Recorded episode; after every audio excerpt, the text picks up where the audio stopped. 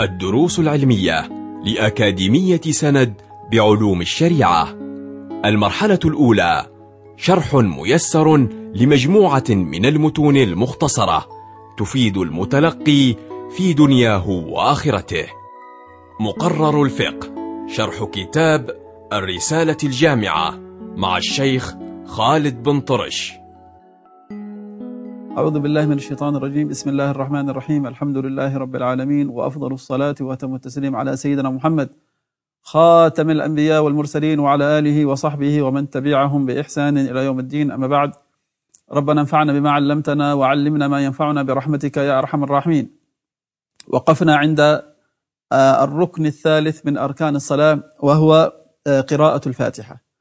وهذا هو الركن الثالث بعد أن يأتي المصلي وينوي الدخول في الصلاة ويباشر أول فعل من أفعال الصلاة وهو تكبيرة الإحرام يبدأ الآن بقراءة الفاتحة. طبعا قبل قراءة الفاتحة يسن أن يأتي بدعاء الافتتاح وهو الدعاء وجاء على روايات مختلفة وأشهر هذا الدعاء المشهور الذي آه، يتعلمه الطالب عند قراءته مثل كتاب ذخيرة الذخيرة المشرفة.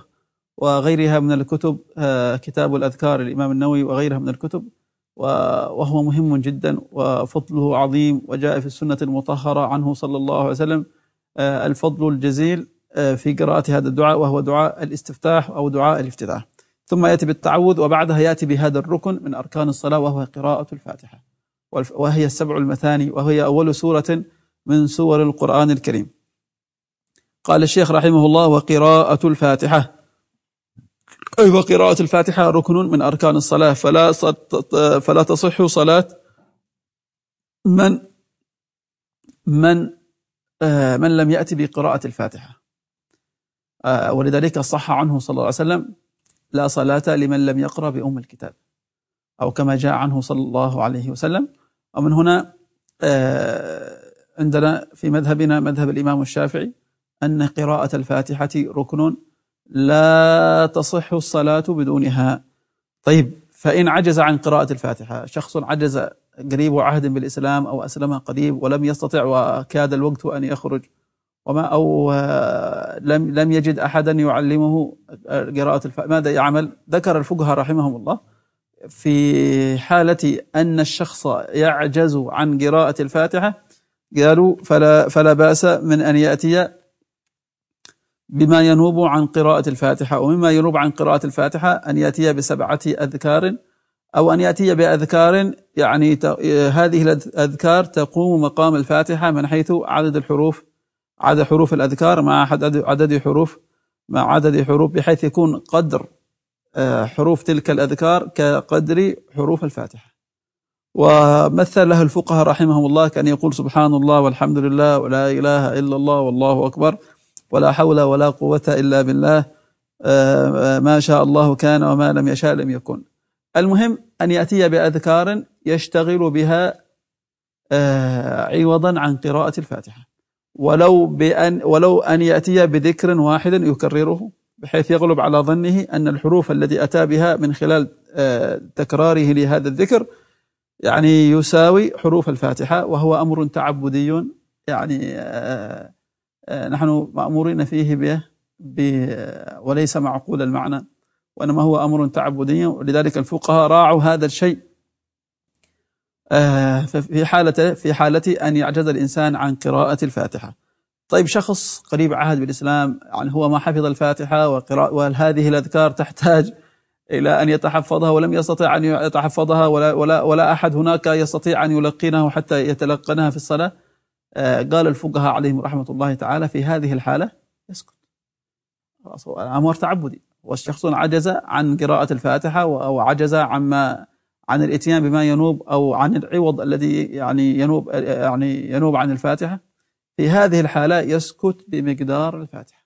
يعني بمقدار آه، كم مقدار يمكن الإنسان يأتي فاتحة عن ثلاثة دقائق؟ لا بس يسكت بمقدار هذا بهذا آه، بقدر هذا المقدار. ثم بعد ذلك يركع. وهنا آه، تكون صلاته صحيحة في حالة العجز. قال الشيخ رحمه الله وقراءة الفاتحة بالبسملة. آه، عندنا الشافعية أن البسملة آية آه، من الفاتحة. فلا فلا تصح الصلاة فلا تصح الفاتحة إلا بها. وإذا لم تصح الفاتحة لا تصح الصلاة. لا تصح الصلاة.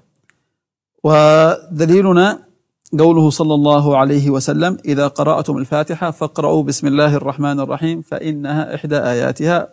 أخرجه الدار قطني.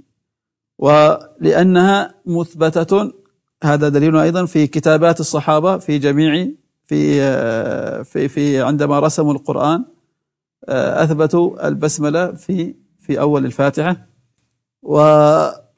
وهي مسألة تلقي أيضا. تلقي تلقي الصحابة عنه صلى الله عليه وسلم وتلقي أيضا الأمة الإسلامية من بعد الصحابة وتداولهم على قراءة له على قراءة الفاتحة بالبسملة. ومن هنا يعني استدل الشافعية على أن البسملة آية من الفاتحة بل آية من كل سورة كما ذكر الفقهاء عليهم رحمة الله. ولذلك يعني لا تصح الفاتحة إلا يعني لا تكون الفاتحة كاملة ولا تصح ولا تكون مجزئة إلا إذا قرأ البسملة في أولها. ولذلك إذا كانت الفاتحة غير مجزئة فمن باب أولى أو ستكون الصلاة أيضا غير ستكون الصلاة غير مجزئة. قال الشيخ رحمه الله والتشديدات الأربع عشرة. أيضا يجب أن يلاحظ ويراعي تشديدات الفاتحة. والحروف المشددة في الفاتحة هي أربعة هي أربعة عشر حرفا.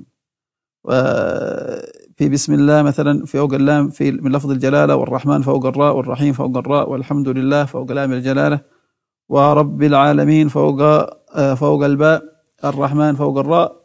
فلو حسبها الإنسان يجدها فإذا يجب أن يراعي المصلي حال قراءة الفاتحة. هذه التشديدات فلا يغفل عنها فلا يغفل عنها.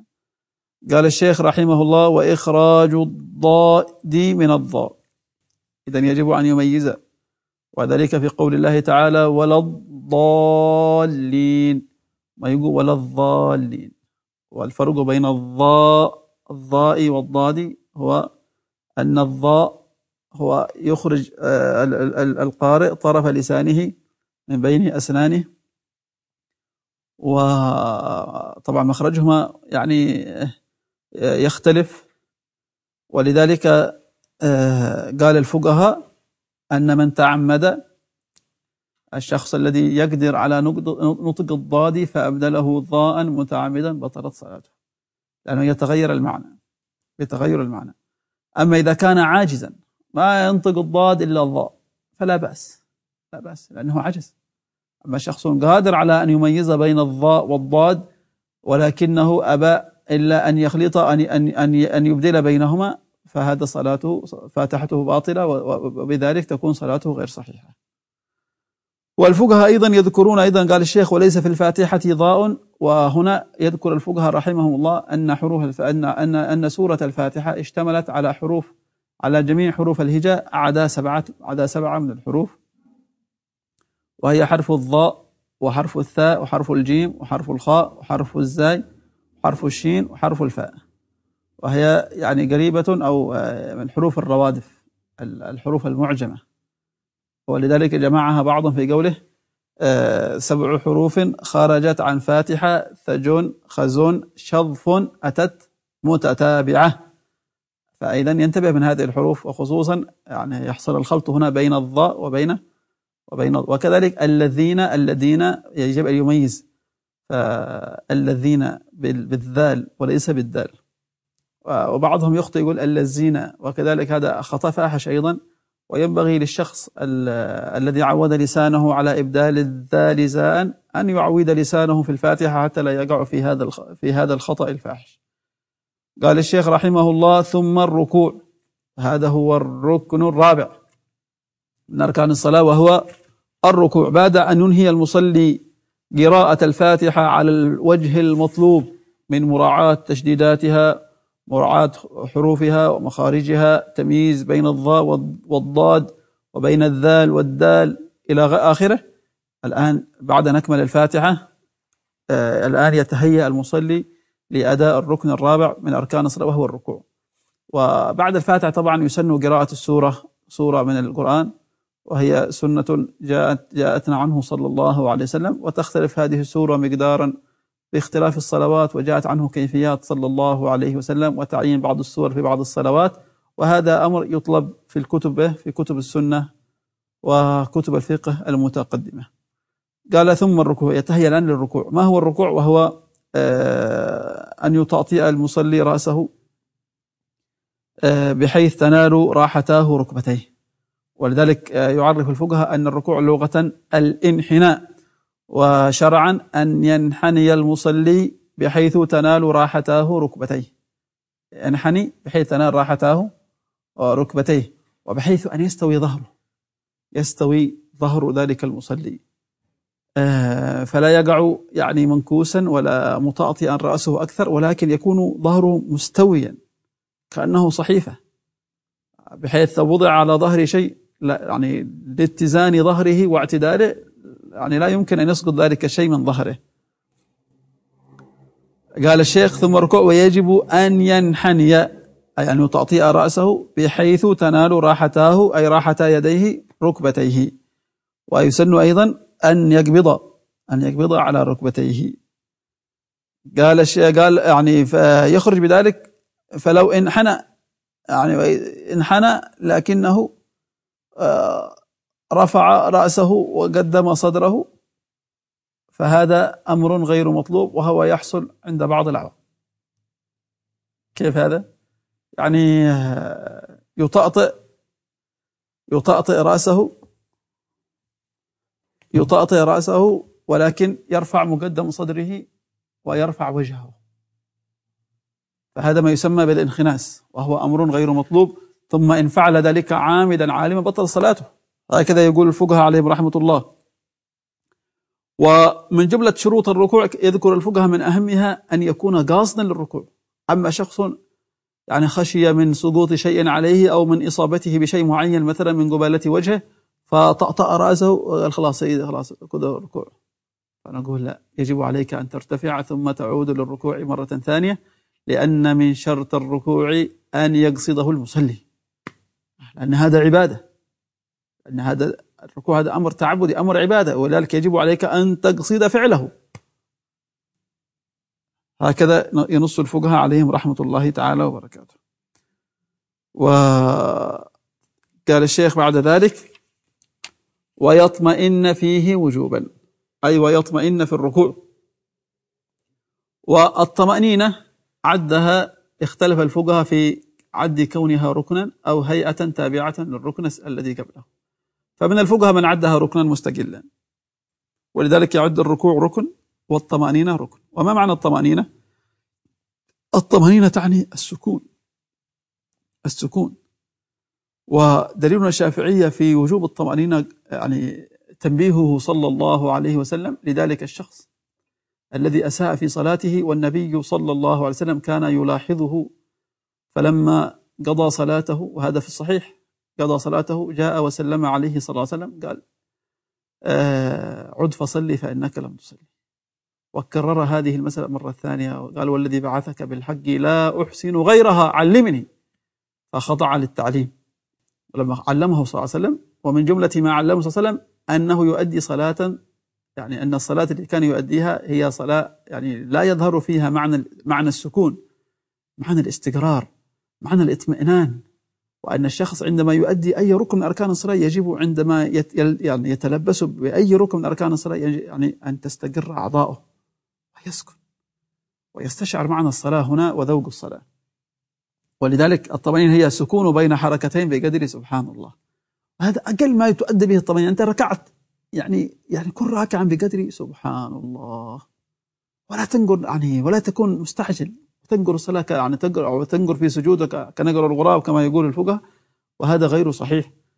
ولذلك هذه الطمأنينة شرعت في الأركان التي يعتاد الإنسان فيها العجلة الركوع الاعتدال السجود الجلوس بين السيدتين أما الأركان التي جاءت فيها أذكار مشروعة كالتشهد ما هناك مناص من الإطالة في القيام لأن مشروع فيها هنا قراءة الفاتحة. لكن الأركان التي لا يشرع فيها ذكر قولي شرعت فيها الطمأنينة.